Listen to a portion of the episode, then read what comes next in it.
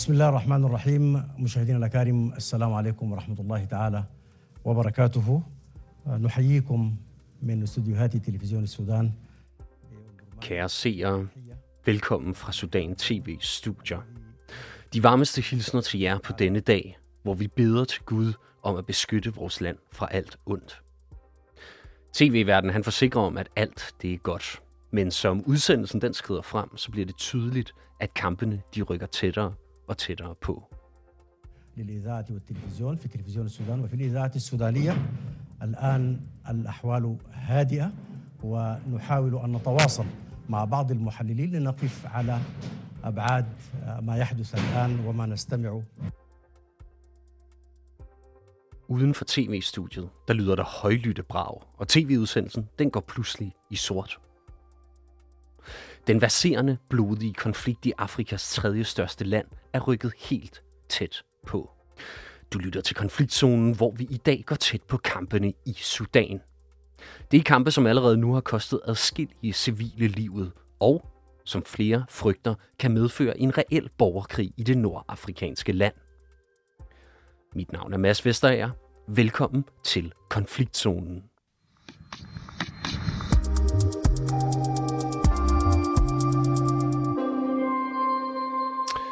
Stig Breitenstein Jensen, velkommen til programmet. Jo, tak. Du er lektor ved Center for Afrikas Studier på Københavns Universitet. Hvordan vil du karakterisere den konflikt, vi lige nu ser udfolde sig i Sudan? Jeg vil karakterisere den som en øh, overlevelseskamp for øh, Sudan som nation. Det er en kamp mellem på den ene side øh, en centralregering, som sådan set ikke kontrollerer øh, landet, øh, som er en overgangsregering, og en, øh, en velit, som forsøger at underminere den her overgangsregering og tage magten. Og for at forstå konflikten, så lad os lige spole tiden lidt tilbage, for i 2019, der kuppede den sudanske hær sammen med den paramilitære gruppe RSF, nemlig præsidenten i landet, Omar Hassan al-Bashir. Hvad var det egentlig, der skete dengang? Altså det der, det, der skete, det var, at der var månedsvis af demonstrationer, der gik forud for det her. Altså folkelige demonstrationer, øh, primært i Khartoum, men også andre steder. Og de demonstrationer, de var jo mod, øh, mod styret og var affødt af, af stigninger i øh, brændstofspriser, madpriser og en generel utilfredshed med styret. Det der, det, der så sker, det er, at, øh, at militæret beslutter så på en eller anden måde for at imødekomme de her folkelige protester, for at få lidt ro på og afsætte Bashir, som har siddet ved magten i mere end 30 år.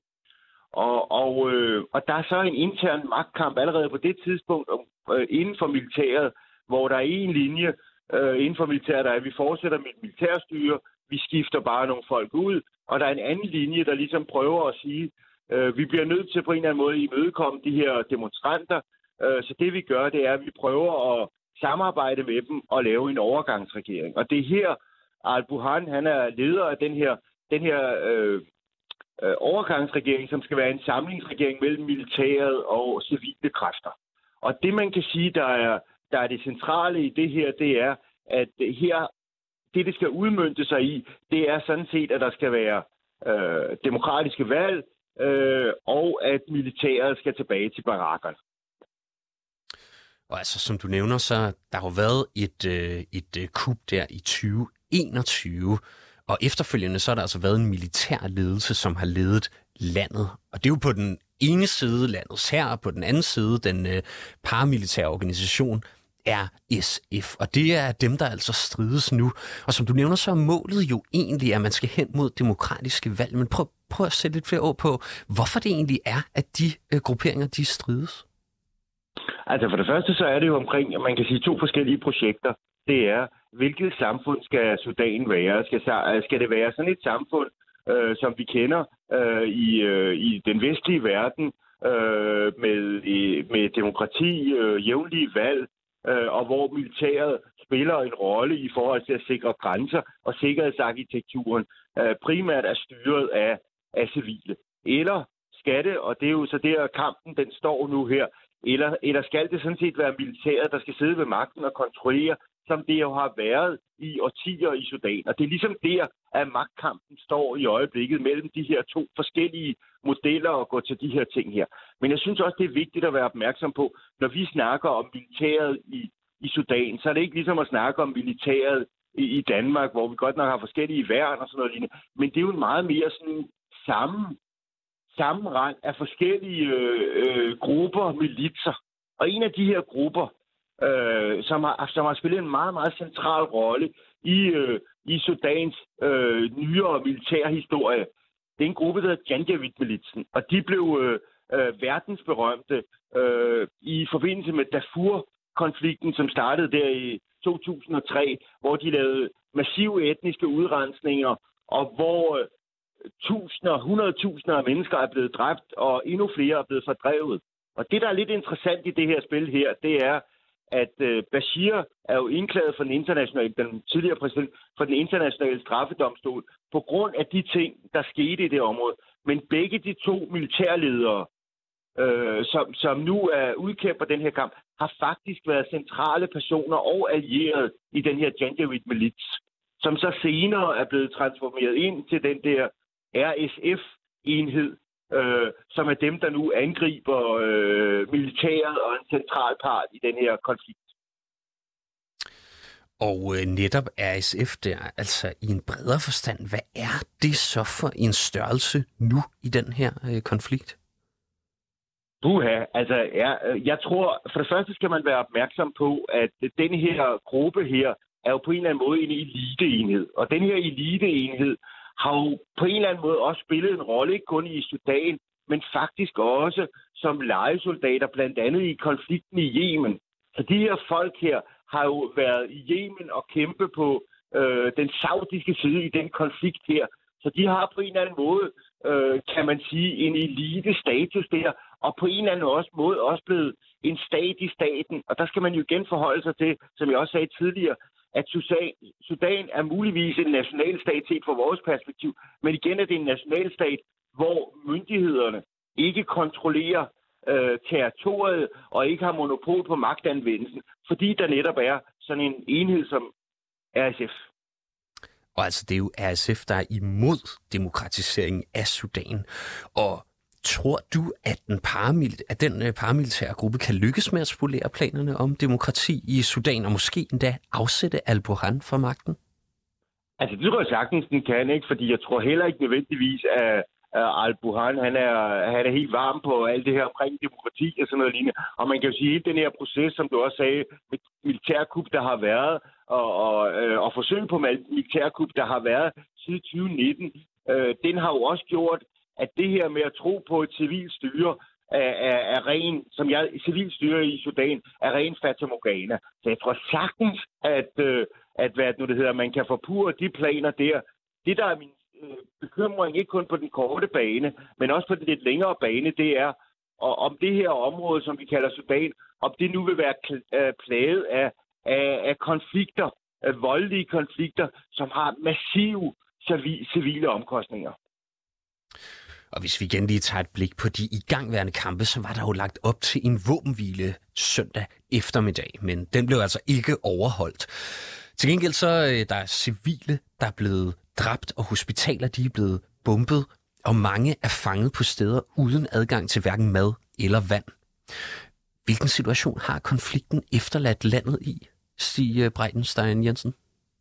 Altså, for mange af de her civile, der er der, så har de jo prøvet rigtig meget se gennem de seneste år. Men det her, det er det værste af det værste. Og folk er jo, øh, især i, i, øh, i Khartoum, altså de er jo virkelig panikslagende i forhold til de her ting her.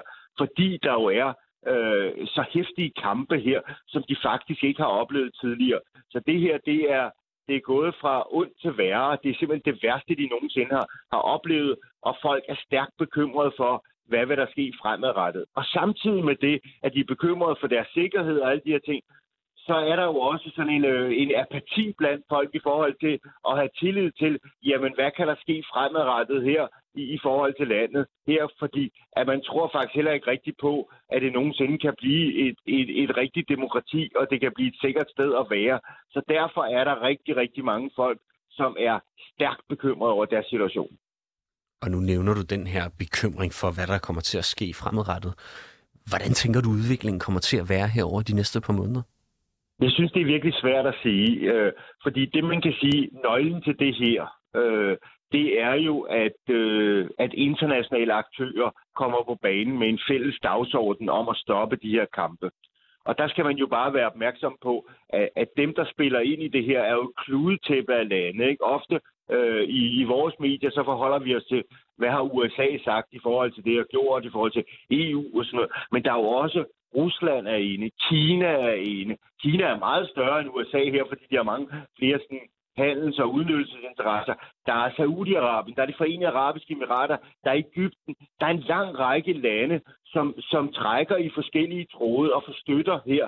Og det vil sige, det holder også den her konflikt i gang. Og der er faktisk nogle af de her lande, der egentlig har en interesse i, at der er en destabilisering af landet, fordi det kan give dem mulighed for for eksempel at, at trække naturressourcer ud, uden at skulle betale for dem. Så man kan sige, der er sådan set lande, øh, organisationer og virksomheder, som rent faktisk har en interesse i, at der bliver ved med at være konflikt.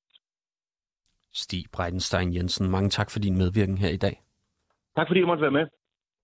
Som sagt, altså lektor ved Center for Afrikastudier ved Københavns Universitet.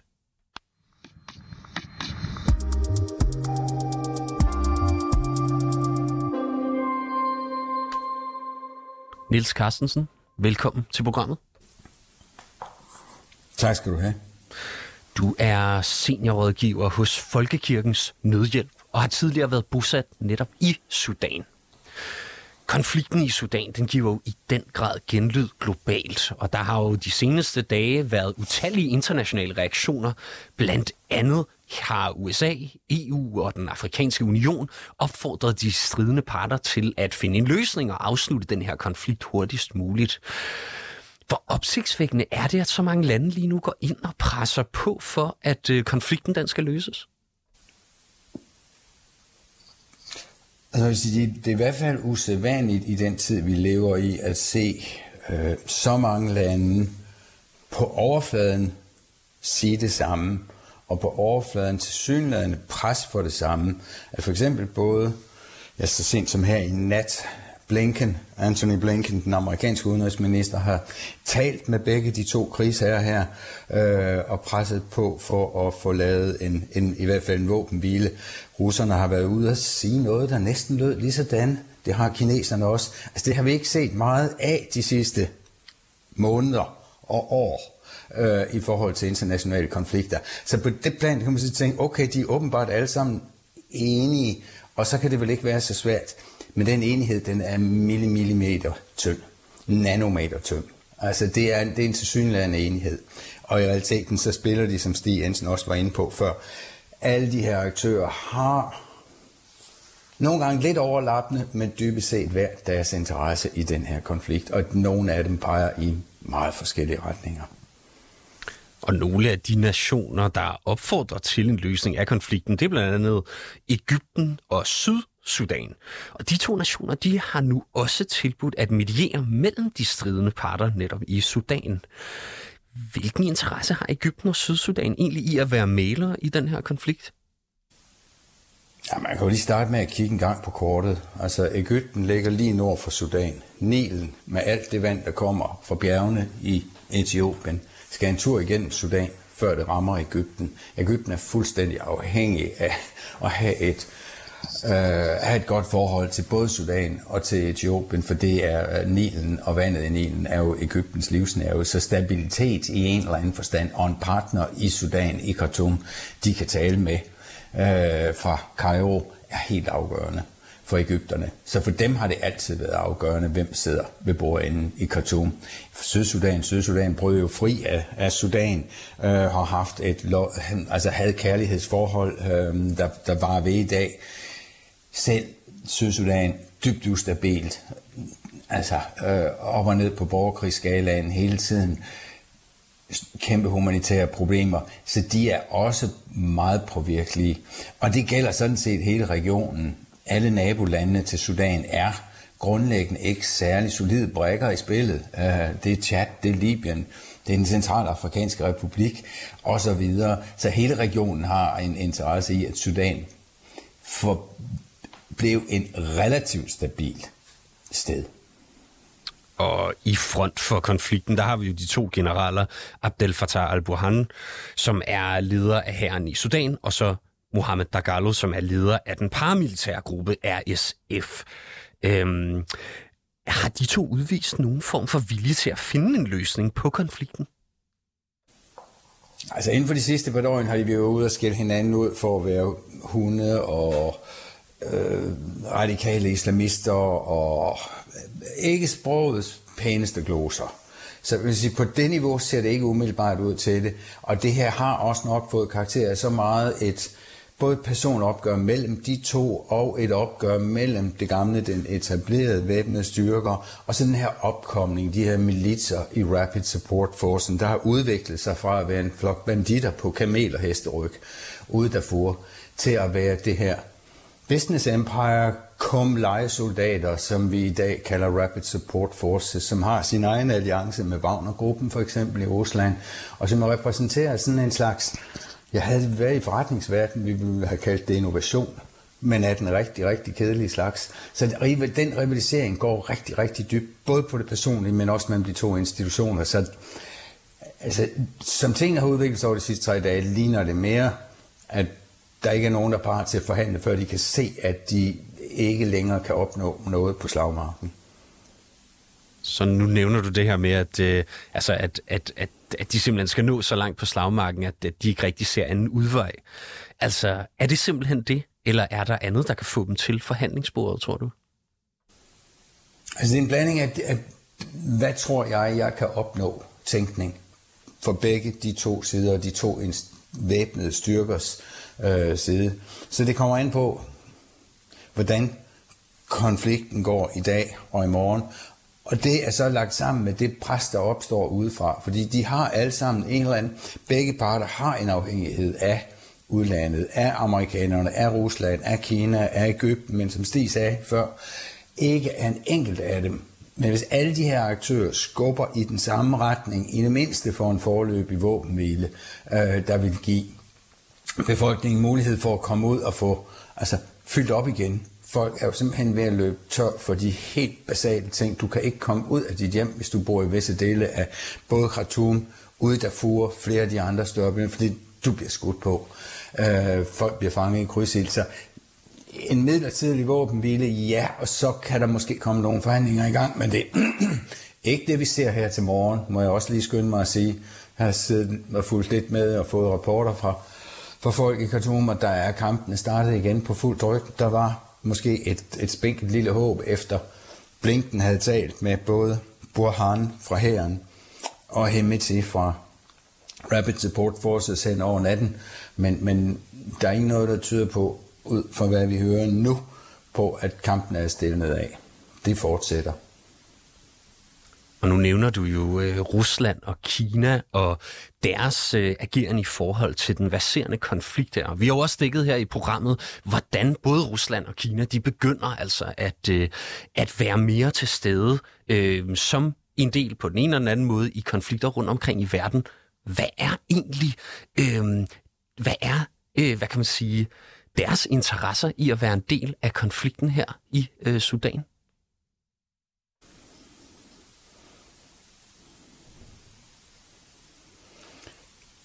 De har vidt forskellige interesser, og det er slet ikke noget nyt, at Kina og Rusland, det er faktisk foregået stille og roligt i en hel del år. Vi har måske bare ikke været så opmærksom på det. Vi troede nok, ligesom i Europa og USA, at vi havde på mange måder, undskyld udtrykket, men ligesom Afrika, vores baglomme, det har vi overhovedet ikke. Der har udviklet sig så tæt et samarbejde mellem både russerne og ikke mindst kineserne, at de økonomisk vender sig i dag mere den vej, i hvert fald i et land som Sudan.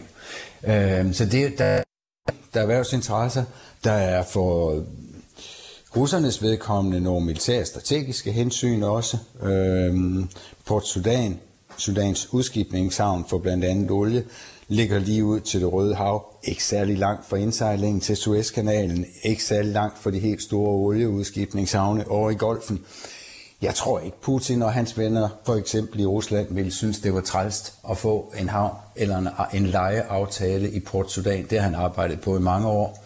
Så for ham er det vigtigt, hvem der ender ved bordenden. Er det en person, han har et godt samarbejde med? For kineserne er det en del af et brik, der går ud på at vise, at Kina trækker i trådene. Øh, de gør det måske ikke så direkte i de her dage. De går ikke ud og fortæller, at de har snakket med Burhan og med Hemeti. Jeg vil, og jeg kan ikke sige, at det har de. Jeg vil bare sige, at jeg vil være overrasket, hvis de ikke havde det. Men det er ikke den kinesiske stil at gå ud og vifte med det, sådan som amerikanerne har gjort det. Så de har deres interesser, de har deres interesser i at vise sig som den er et alternativ til USA, et alternativ til EU. Her er nogle andre, du kan lege med, så du kan komme ud af den der uafhængighed af, eller den kom ud af afhængigheden af Europa, af USA. Deres edelige trælse snak om demokrati og menneskerettigheder og alt det bagl. Og kort her til det sidst. Er, og kort her til sidst, hvis jeg må spørge dig. Vi ser. Og kort her til sidst, hvis jeg må spørge dig, hvor står befolkningen i den her konflikt? Jamen, de har jo så det, den forfærdelige situation, at de er nødt til at vælge mellem pest og kolera, eller rettere sagt, de gemmer sig under deres bord, under deres senge i de her dage, og, og venter simpelthen bare på at se, hvad der sker. Men der er meget, meget lidt opbakning til nogen som helst af de to herrer og de to institutioner, der i øjeblikket gør livet til et helvede for civilbefolkningen i Sudan. Niels Carstensen, seniorrådgiver hos Folkekirkens Nødhjælp. Du skal have mange tak, fordi du var med her i dag. Det var så lidt. Ej.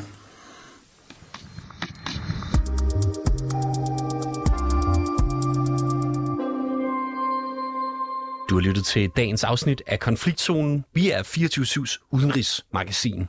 Mit navn det er som sagt Mads Vesterager, og holdet bag programmet det er Kirstine Musin og Sofie Ørts. Produceren i regien, han hedder Oscar Chauffeur. Du kan lytte til programmet direkte mandag til torsdag fra 8 til 8.30, men du kan selvfølgelig også høre programmet som podcast. Tak fordi du lyttede med.